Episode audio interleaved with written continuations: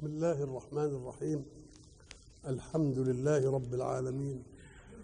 الصلاة والسلام على أشرف المرسلين وخاتم النبيين ورحمة الله للعالمين سيدنا محمد وعلى آله وصحبه أجمعين. وبعد فقد وقفنا في اللقاء السابق عند قول الله سبحانه أعوذ بالله من الشيطان الرجيم. وابتغ فيما آتاك الله الدار الآخرة. هذه واحدة. ولا تنس نصيبك من الدنيا. هذه اثنين. وأحسن كما أحسن الله إليك. هذه ثلاثة.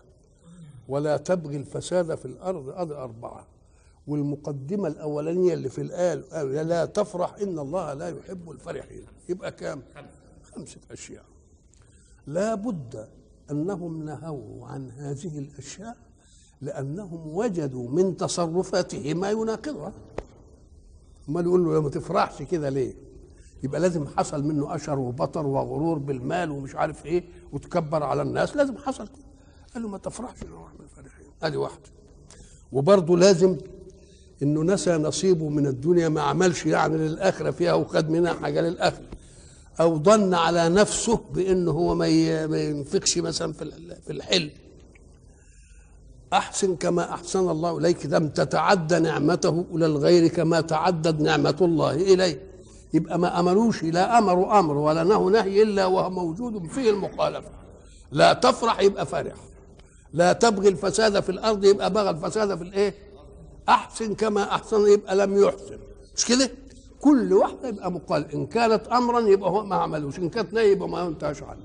وإلا ما يجوش في شيء هو ما عملش حاجة وبعدين يقولوا له مش ممكن. هذه واحدة.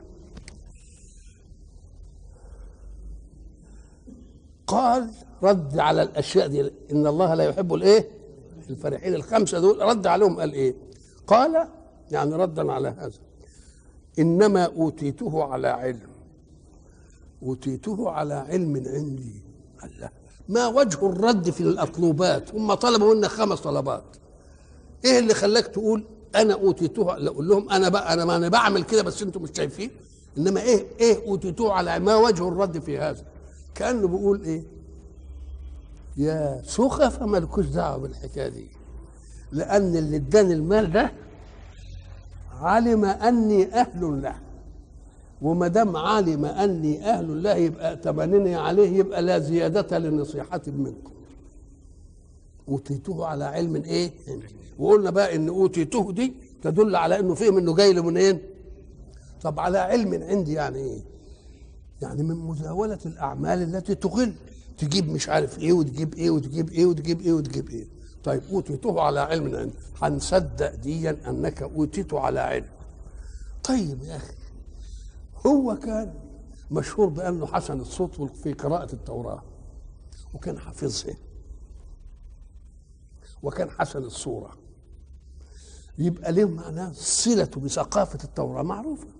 طب يا أخي ما دام أوتيته على علم عندك ليه ما أوتيتش علم إن ربنا أهلك اللي كان أحسن منك؟ كان يجب برضه ما تفوتش عليك. دي اشمعنى دي؟ أنت قلت على علم عندي والتانية ما إيه؟ آه. يبقى اذا قال إنما اوتيته على علم. يعني قول لهم لا تدخلوا لأنني اوتيته على علم يعلم الله أني أهل له وأني أمين عليه وأنني شاطر وأنني بقدر ألعب مش عارف إيه وأجيب مش أقدر أعمل كل حاجة. طيب صدقني يا سيدي على علم عندك. انت كان يجب ما دام علمت ديا انك انت تعلم الجزئيه الثانية لانك انت قارئ للتوراة وعارف ان كان ناس عندهم أزدك وأكثر منك وأمم مش أفراد وربنا إيه؟ خدهم قال إنما أوتيته على علم عندي. طيب إشمعنى علم ده؟ أولم يعلم. من ضمن ما علم بقى أن الله قد أهلك من قبله من القرون. من هو أشد منه قوة وأكثر جمعا؟ يبقى ما دام علم وعنده علم يبقى كان يجب إنه يعلم إيه؟ إنه يعلم دي. طب اشمعنى ما عرفش دي وعرف دي؟ طيب. أولم طيب. أولم يعلم أن الله قد أهلك من قبله من القرون. مش فرد من هو أشد منه قوة وأكثر جمعا. كلمة جمع مرة تكون مصدر ومرة تكون اسم. مرة تبقى اسم للجماعة يبقى كأنه له عصبية كبيرة قوي. أو جمع مصدر يعني جمع المال. تبقى كلمة جمع دي تنفع إيه؟ للاثنين للمال وللإيه؟ وللعدد وللناس. وبعد ذلك قال ولا يسأل عن ذنوبهم المجرمين. المجرمون. الله. إيه علاقة ولا يسألوا عن ذنوبهم المجرمين دي قال لك هو ياخده ومش ياخده على غره ياخده على مش ياخده كده بإنذار ياخده على على غره على بغته. مش هيجي يقول له تعالى يا قارون أنت عملت كده وكده وهخسف بك الأرض؟ لا مش هسألك عنها. ليه؟ لأنها معلومة لي والحيثيات اللي أنت عملتها من الأول كفيلة باننا نفاجئك بالإيه؟ علشان إيه؟ يبقى يبقى يبقى يعرف إن ممكن الذنب أو الخسف يجي له في أي وقت. إنما لما نبتدي نسأل مش هنعمل تحقيق النيابة والبوليس؟ لا لا ما فيش. ولا يسأل عن ذنوبهم الإيه؟ المجرمون. بعد ما قال كده وحصل الرد وقالوا له اعمل كذا واعمل كذا لم يرعوي وبرضه كان فرحا. وكان برضه باغي للفساد. فخرج كأنه بيطلع لسانه بقى. فخرج على قومه في زينته. شوف بقى قارون من غير ما يبقى في يوم زينته يبقى إيه؟ لا ده يوم زينته بقى في زينة بقى لبس ولذلك بقى العلماء يقولوا في الزينة دي بتاع مش عارف كم ألف جارية وكم ألف فرس وكم ألف مش عارف وإيه وشغلانة بقى. يعني مسألة ينقصها الدليل. فخرج على قومه في زينته. لما خرج في زينته الناس انبهروا. انقسموا قسمين. قالوا يا ريت لنا زيه يا أخي. دي. أخذهم بريق الزينة وزهو النعمة وترف الحياة فاتخذت بشريتهم وراه ومدوا عينيهم إلى ما هو إيه؟ إلى ما هو فيه. قال الذين يريدون الحياة الدنيا يا ليت لنا مثل ما أوتي قارون. إنه لذو حظ عظيم. لذلك الحق سبحانه وتعالى بيقول لك اوعى تمد عينك إلى ما متع الله به قوما غيرك. واحترم قدر الله في خلق الله. واعلم أنك إن فرحت بأي نعمة عند أي أحد يجيئك خيرها يطرق بابك. عايز تخلي نعمة الناس دي كلها تخدمك وتبقى عندك حبها عندهم إن أحببت النعمة دي عند صاحب النعمة تجي لك لحد وإن كرهتها تأبت عليه لأن النعمة لصاحبها أعشق له منها تقول ما تروحلوش ده أبدا تاخدها ليه؟ طب وأنت تاخدها ليه أنت؟ ما أنت كرهت تاخدها ليه؟ يبقى إذا اللي عايز خير الناس يجي له يحب الخير عندهم ليه؟ قال لك لأنك أنت إن ما حبتوش المنعم عليه ده ذنبه إيه؟ له ذنب. ملوش ذنب. يبقى أكنك أنت بتتأبى على قدر المنعم. وما دام تأبيت على قدر المنعم يقول لك والله لا حرمك منها ولا خليك تشوف منها حاجة. إنما عايز تحبها عايز تجي لك إيه؟ حبها ولذلك لا تمدن عينيك إلى ما متعنا به أزواجا وهناك آية ثانية. ولا تتمنوا ما فضل الله به بعضكم على بعض. خلوا كل واحد ياخد إيه؟ ليه؟ لأن كل واحد واخد في الفلك المهمة التي لا بد أن الحياة تعوزها وانت فيك خصال أحسن من اللي انت بتحسده.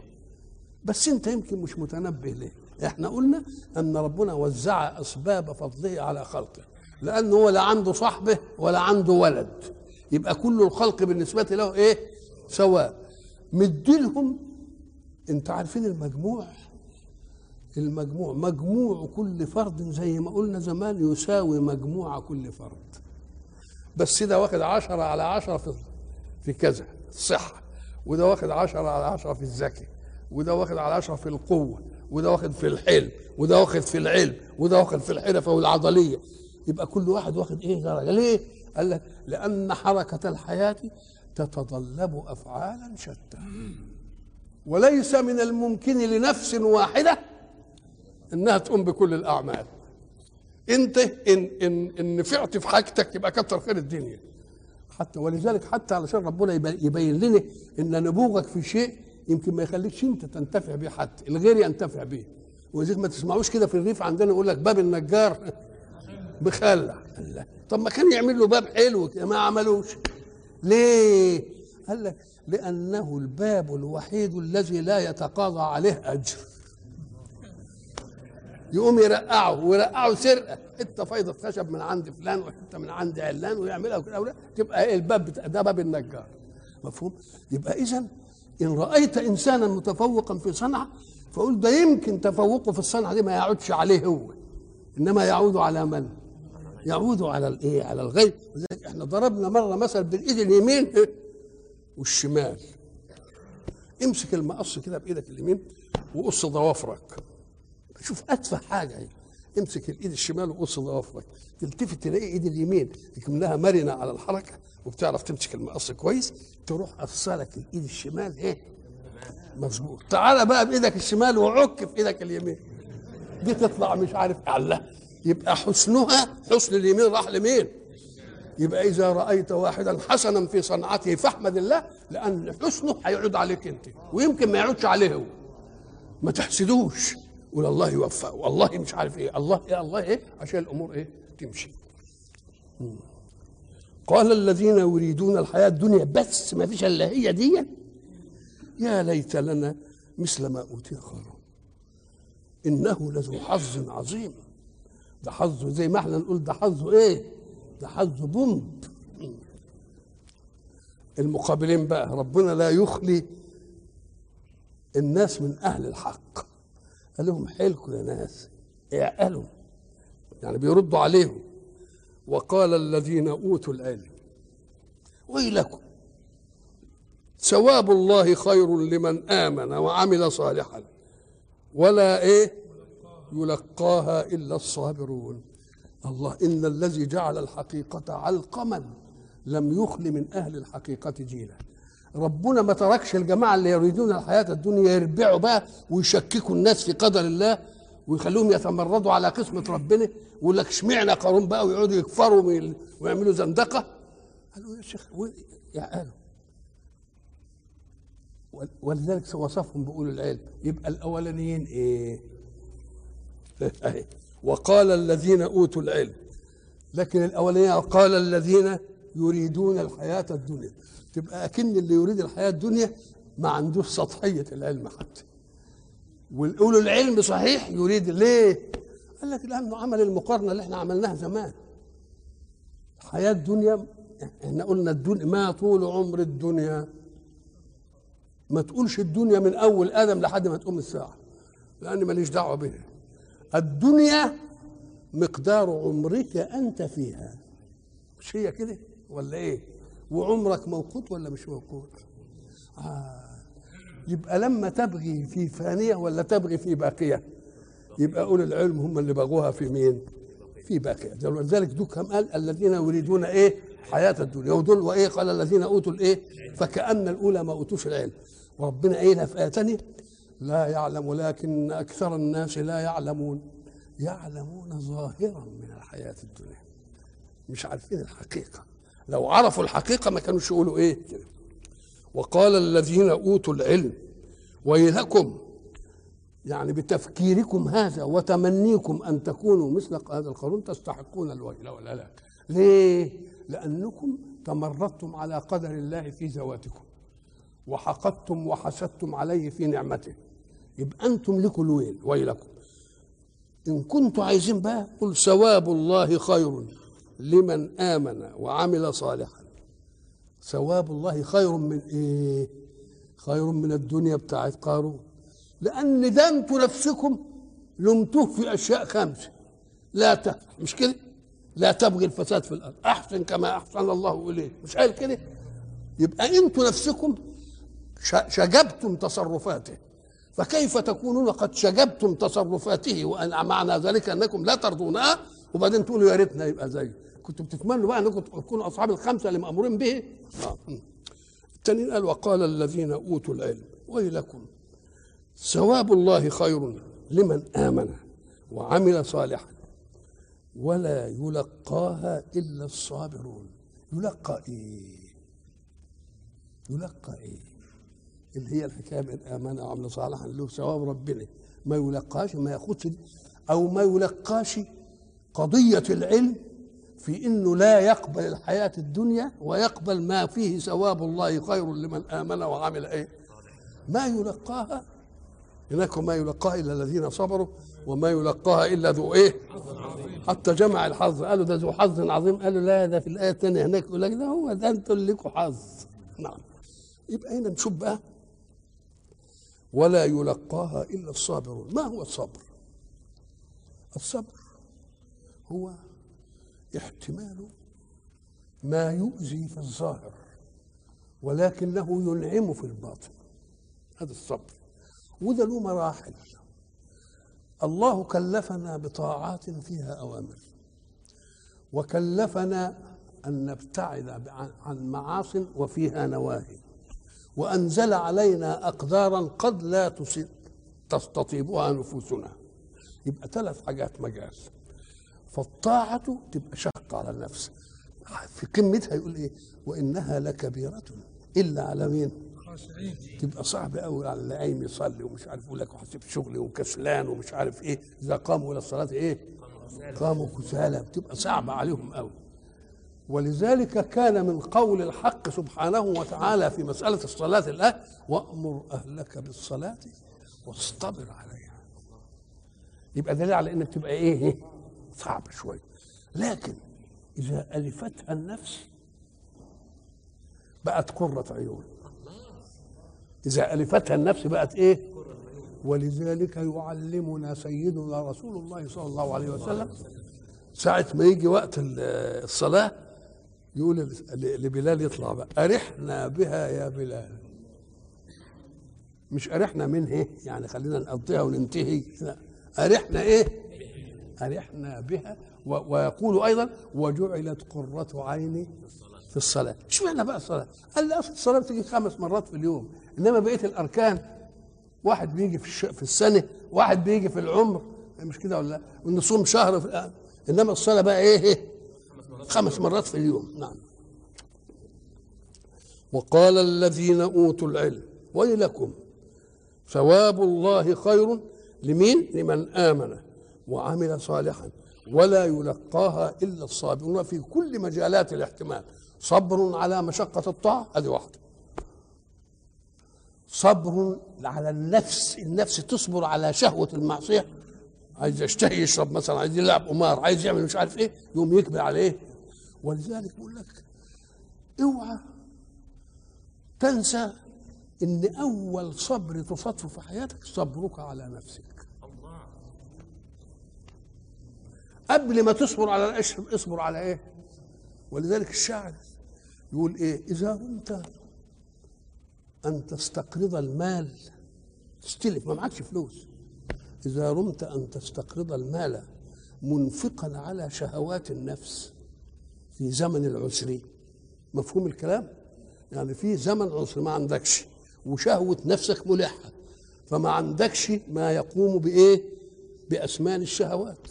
فتروح تستلف أو تقترض مين؟ المال. قال له يا شيخ عقل إذا رمت أن تستقرض المال منفقا على شهوات النفس في زمن العسر بدل ما تروح تسأل الناس الفلوس فسل نفسك الإنفاق من كنز صبرها عليك. لا يا نفسي ما معيش اصبري عليا بدل الأجنبي ما يصبر عليا يا نفسي فسل نفسك إيه؟ الإنفاق من كنز صبرها عليك وإنظارا إلى ساعة اليسر. لا لما نبقى معنا فلوس. فإن فعلت كنت الغني. مش عايز حاجة من حد وإن أبت قالت لك لا من الصبر. فكل منوع بعدها واسع العذر نفسك امتنعت عليك تبقى بتزعل من الناس اللي امتنعوا يدوك ما تزعلش. أيضا والأقدار. يبقى صبر على مشقة الطاعة وصبر على إلحاح النفس في شهواتها وصبر على الأقدار التي قد تؤلمك ولا تفطن إلى حكمتها فيك. لأن ما دام مجريها حكيم ورب يبقى لازم لها حكمة. فخذ القضية القدرية بإيه؟ بحكمة مجريها عليك وحكمة مجريها عليك أنت مش عدوه ده أنت صنعته وأنت خلقه. وبيقول الخلق كلهم عيال الله فأحبهم إليه أرأفهم بعياله. النبي قال لنا كده. يبقى اذا لما ربنا يجري عليك شيء قل بس أنا مش فاهم الحكمة. ويكفيك حكمة أن الله هو الذي أجراها. ب- بزيادة عليك دي هو ربنا اللي أجراها. فإن جاءت لك مصيبة وهذه المصيبة من تقصير يبقى أنت اللي ملوم بقى. افرض واحد بيلعب بيلعب طول السنة وسقط تقول دي مصيبة له جات له. طب ما أنت اللي عاملها لا خلي واحد اجتهد كده ومذاكر كويس ومش عارف إيه وبعدين جاي رايح الامتحان الصبح بقى مستشرف إلى إنه الإجابة وبعدين جت سيارة راحت صدمة وموديها المستشفى. يبقى ده اسمه إيه بقى؟ اهي المصيبة بقى. اللي لله فيها حكمة. تقول لازم ليه في حكمة؟ يمكن الواد كان العيون مفتحة له وإن يكاد الذين لا يزلقونك بأبصارهم فربنا عملها دي يعني, يعني إيه؟ فسوخة وتميمة عشان تمر علينا. الله. يمكن عملها لأنه مغر ساعة في إنه مذاكر وإنه رايح بقى كده مش عارف إيه وبتاع وحاجات زي دي. يقول له لا يا أخويا ما تستعرضش عضلاتك ده لو لم يكن إن ما كانش ليك معونة من الله إذا لم يكن عون من الله للفتى فأول ما يجني عليه اجتهاده. يبقى لازم تبقى فيها. يبقى لازم تشوف قدر الله ماذا إن كان المصيبة جاءت بشيء منك تبقى لوم نفسك. وإن ما كانش حاجة أنت مستوفي كل حاجة وجات لك مصيبة قول لازم لله حكمة في هذه. وما دام لله حكمة يحترم قدر الله في إيه؟ في خلقه. ولذلك هناك بقى قال لك ولقيل الصبر في صبر بقى من نوع وصبر تاني من نوع تاني. إذا مرض إنسان من غريمه في المرض؟ حد له غريم؟ ملوش غريم. مات له عزيز من غريمه؟ ملوش غريم. إنما واحد ضرب ابن علقه واحد شتمني واحد ضرب ابني ظرف موته. مثلا يبقى ليه غريم ولا مش ليه غريم؟ يبقى اذا المصائب التي تنال الإنسان ثلاث أشياء. مصيبة بسبب منك انت المجنون. مصيبة بقدر الله ولا تعرف لها شيئا. من الله. المصيبة الثانية دي قسمين اثنين مصيبة لك فيها غريم ولا مالكش فيها غريم؟ فإن كان لك فيها غريم ربنا اداك حكم. مالكش فيها غريم اداك حكم. إيه هي؟ سيدنا لقمان لما جه- لما جه يوصي ابنه قال له إيه؟ واصبر على ما أصابك. إن ذلك من عزم الأمور. مرض مات لي واحد وضاعت فلوسي غرقت مش عارف الايه اصبر على ما أصابك. إن ذلك إيه؟ من عزم الأمور. ولكن في الآية الثانية ولمن صبر مش بس وغفر. الله ما دام غفر يبقى فيه إيه؟ يبقى فيه غريم ما دام غريم قدامي يهجني على المعصية. لكن اللي ماليش غريم فيها دي إيه اللي يهجني ماليش غريم. يبقى ما دام قدام اللي ضرب ابني أو عمل فيا شيء يبقى تملي يعمل فيا إيه؟ يهجني على الشر. دي تبقى عايزة صبر واسع. لأنه كل ما تشوفه إيه؟ تتنمر عليه. فقال لك بقى خليك من أولي العزم. ولا من صبر مش بس صبر وغفر. إن ذلك مش قال من عزم الأمور. إن ذلك لا من عزم الأمور. عايزة تأكيد كبير قوي دي. ليه؟ لأنه قدامي يهيجني على الإيه؟ على الشر. ولذلك يقول لك خد المراحل اللي ربنا إيه؟ قال لك اكظم غيظك. أدي واحدة. اعفي عنه. أدي تاني. والله يحب المحسنين. شوف دقلجك إزاي؟ الأول إيه؟ اكظم غيظك. معنى كظم الغيظ. يعني الغيظ يبقى إيه؟ موجود في الجوف بس أنا إيه مش مخليه ينفذ. والعافينا إنه يطلع الغيظ من قلبه وكأنها لم تحدث. والله يحب المحسنين. يعمل إيه بقى؟ يجي للي عمل فيه العملية دي ويعمل له حسنة. قالوا له يا بقى أنت بعد ما تدقلجني وتقول لي اكظم غيظك. سمعني. نعفس نطلع. تقول لي برضه احسن له تاني؟ المسألة ده؟ قسي على النفس قال أنا مش بلزمك. إن حلت لك المراحل فتممها. وإن وقفت عند مرحلة واحدة يبقى كتر خيرك. إن كظمت بس كتر خيرك. لكن الله أباح لك أن تعتدي عليه كما اعتدى عليه فإن كظمت غيظك تبقى مرحلة. يبقى إن اعتديت أنت مش ملوم.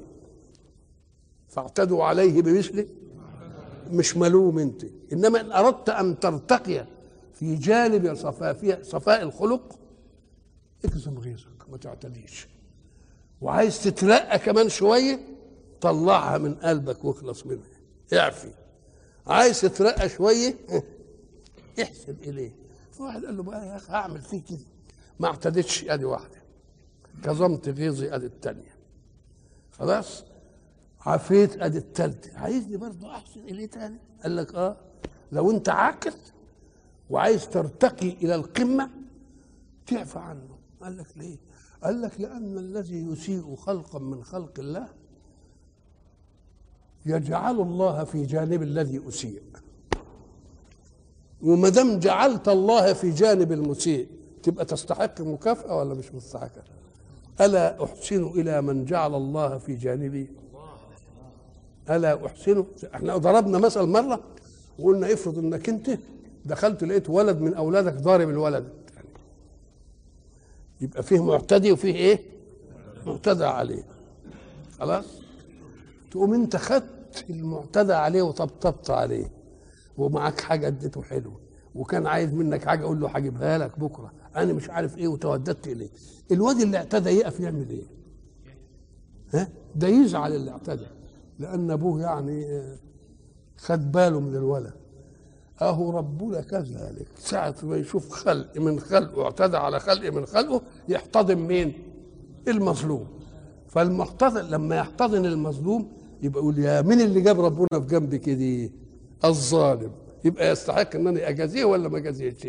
أدي المعاملة الإيه الحسنة وقال الذين أوتوا العلم ويلكم ثواب الله خير لمن آمن وعمل صالحا ولا يلقاها إلا الصابرون.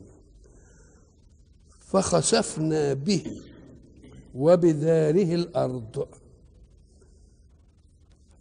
إحنا عارفين إن الخسف ان الأرض تنشقي كده زي ما يقولوا زي ما بيقولوا إيه يا أرض انشقي وبلعين فخسفنا به وبداره الايه الأرض. بداره اللي فيها إيه؟ اللي فيها كنوز واللي فيها مش عارف إيه. فخسفنا به وبداره الايه الأرض. فما كان له من فئة ينصرونه.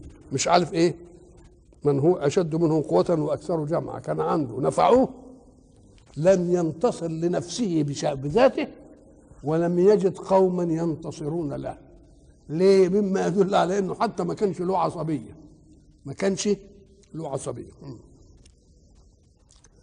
فما كان له من فئة ينصرونه من دون الله لأن دخل ربنا بقى خسف به الأرض كان حد يحوش عنه.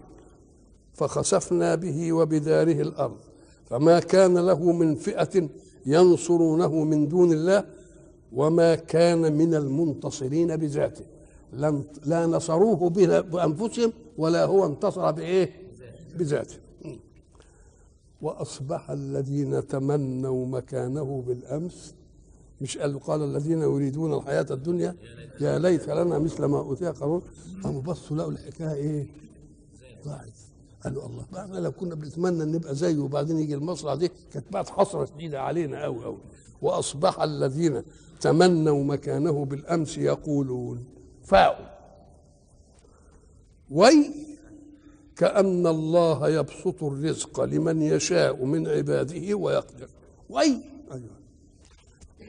وي بالله ما حدش منكم سمع واحد عمل حاجة كده وبعدين طلع غلطان فيها وتندم يقول وي يعني إيه؟ يعني أنا عملت دي ليه؟ إزاي عملت إيه؟ يبقى إيه؟ تنديم إنه عمل الإيه؟ وتخطيء لفعله كويس ومرة تقول يقول لك ما شفتش فلان حصل له كده تقول له اي استعجاب يبقى مرة واي دي تيجي لإيه؟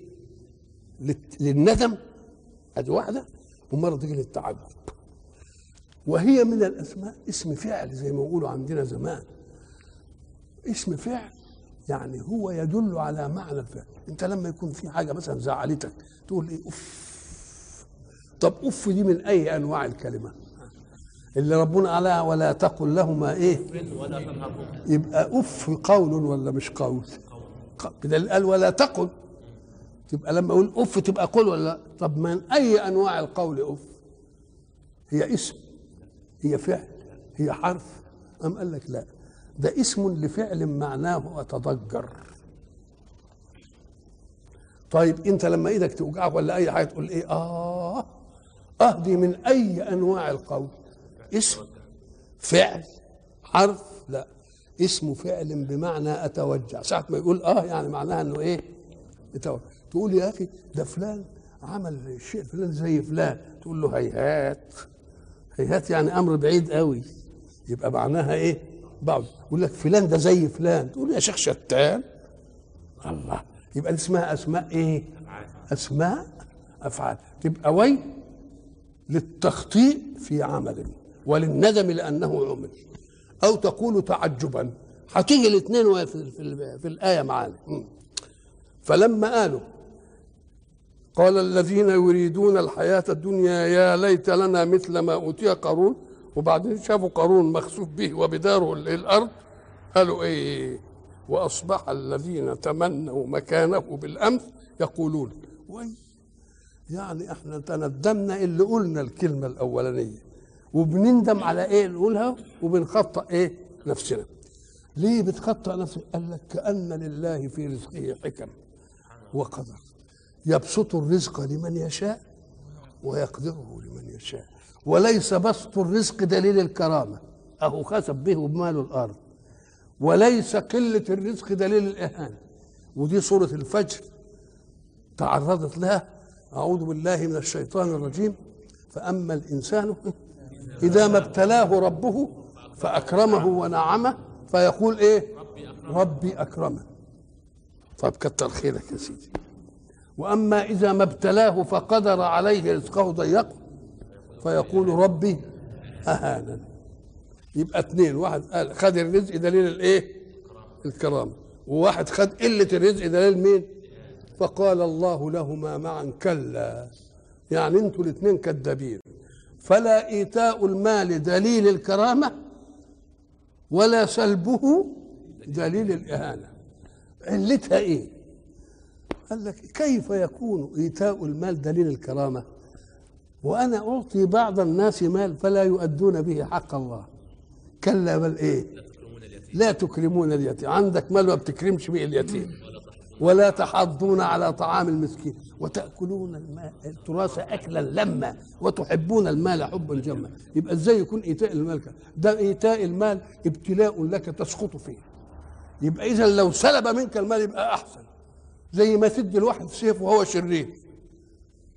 أديك سيف إزاي وأنت هتقتل بيه؟ الله. وتعالى بقى للي انسلب منه المال. وعملت سلب المال كرامه كرامه إهانة ليه؟ طب ما أنت شايف هو واحد خد المال ولا أداش حق الله فيه. يبقى عليه ولا له؟ يبقى أنا لما سلبت منك المال ما عرضتكش للموقف ده.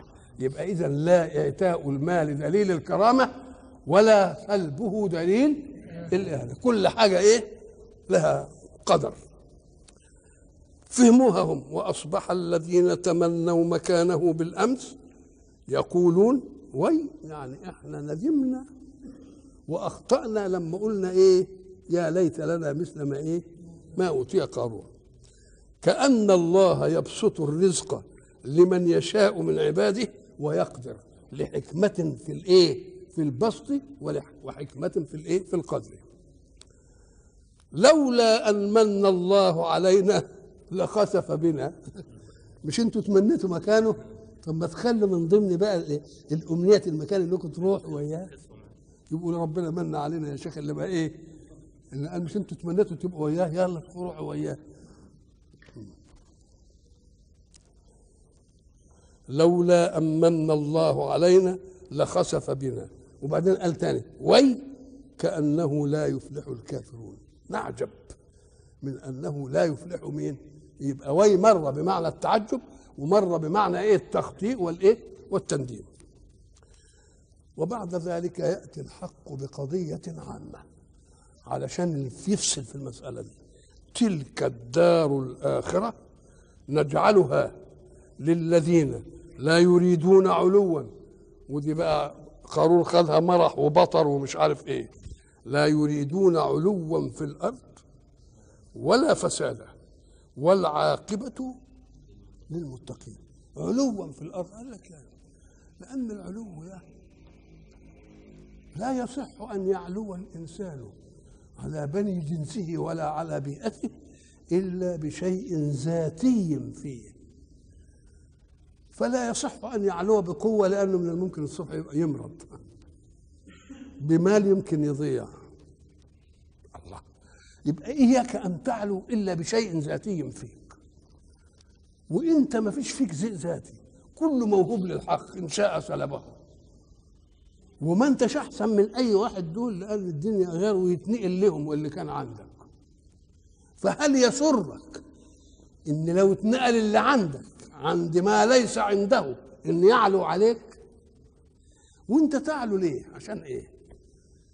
أنت تعلو. اما كنتش أنت مسنود من قوة أعلى منك ما تفضلش على العلو. وجرب نفسك أهو. اتنطق لفوق كده زي اللي بيلعبوا السرك اتنطق أول فوق كده ويبقى في نص المسجد كده. وإن كنت شاطر امسك نفسك بقى في علوك. ده إما كانوش يمسكوك بمشبك ولا يعملوا لك بتاعة كده تقع عليها ما تنفعش. يبقى إذا لا ذاتية لك في العلو. وما دام لا ذاتية لك في العلو إياك أن إيه؟ إنك أنت تعلو ليه؟ لأنك أنت أولا تحفظ من تعلو عليه أدي واحدة. وإن حصل لك العكس يشمت بك وأيضا لأن الإنسان لا يعلو في بيئة ولا في مكان إلا إذا رأى كل من رآه دونه. وانت حين ترى ان انت كل الناس دول دونك كأنك لم تتنبه إلى أسرار فضل الله في خلق الله. يمكن كل واحد فيه خصلة مش عندك انت. فانت لو كنت بتقدر ان كلنا عيال الله وكلنا خلق الله ولا فيش في واحد منا واحد ابنه يبقى تقول مدي لذا شيء ومدي لذا شيء ومدي لذا شيء ومدي لذا شيء ومداني رايا لي شيء. اوعى بقى تقول انك انت احسن من حد إن كنت أحسن من حد يا أخا الكبر إنك لو وقعت على الناس ما وقعت إلا عليه تبقى كبر ليه؟ وأيضا الذي يتكبر يبقى في غفلة عن ملاحظة كبرياء ربه.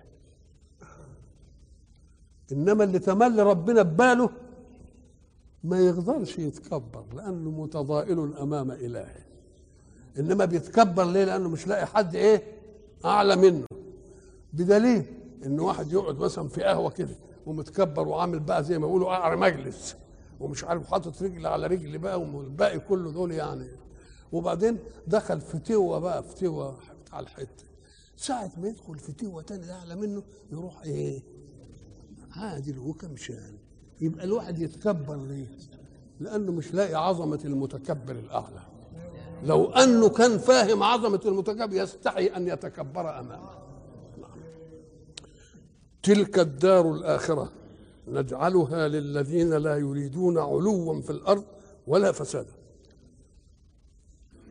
الصحابي الذي دخل على رسول الله صلى الله عليه وسلم ابن حاتم عدي بن حاتم دخل على رسول الله وكان من آداب رسول الله صلى الله عليه وسلم أنه إذا دخل عليه زائر يقوم عن كرامة مجلسه له يعني إن كان قاعد على شلته ولا على حاجة كده يقوم قافعها كده ومديها له هو يقعد عليه.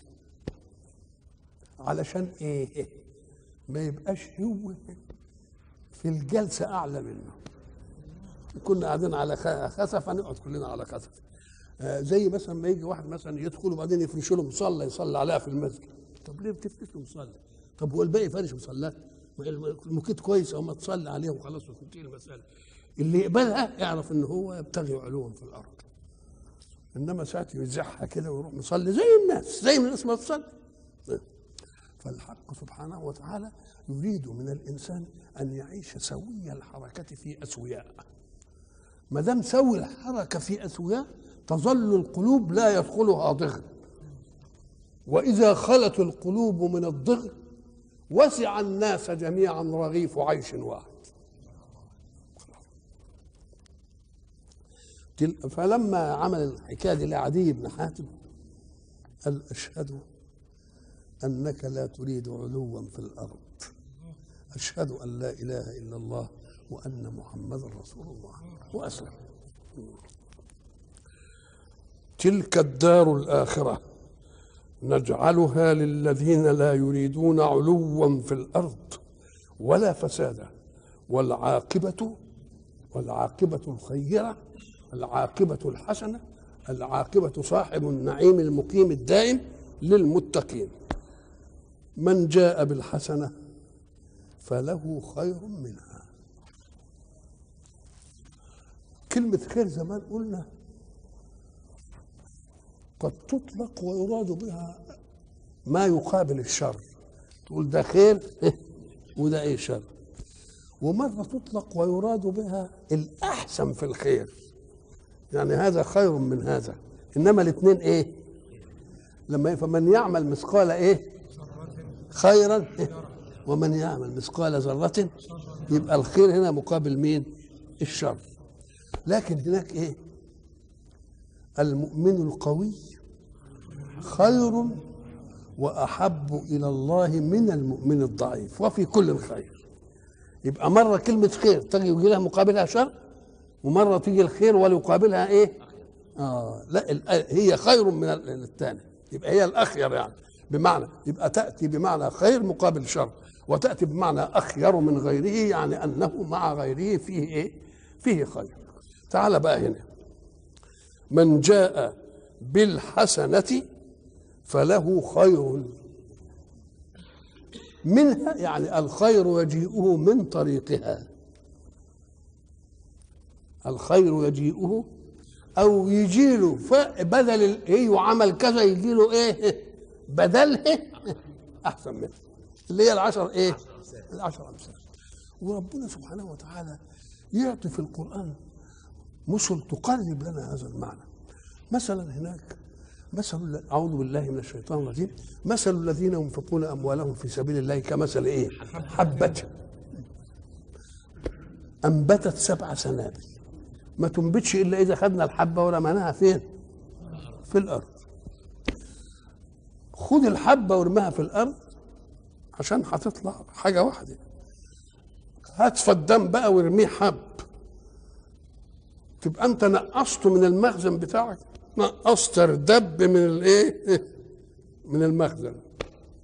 هل أنت ساعة ما نقصت المخزن بتاعك اردب عشان تبذره تقاوي في الأرض؟ انت انقذت المخزن. صحيح أنا انقذت انما هو هيكبر وينمو ويجيب كذا حبة يجيب كم كم رداب يجيب عشرة رديب يبقى من جاء بالحسنات فله خير إيه ما تدورش على إنها تنقص منك. ده هي هتعمل إيه؟ هتجيب لك خير والخير ده يجي عن إيه؟ عن طريقها. وإلى لقاء آخر إن شاء الله.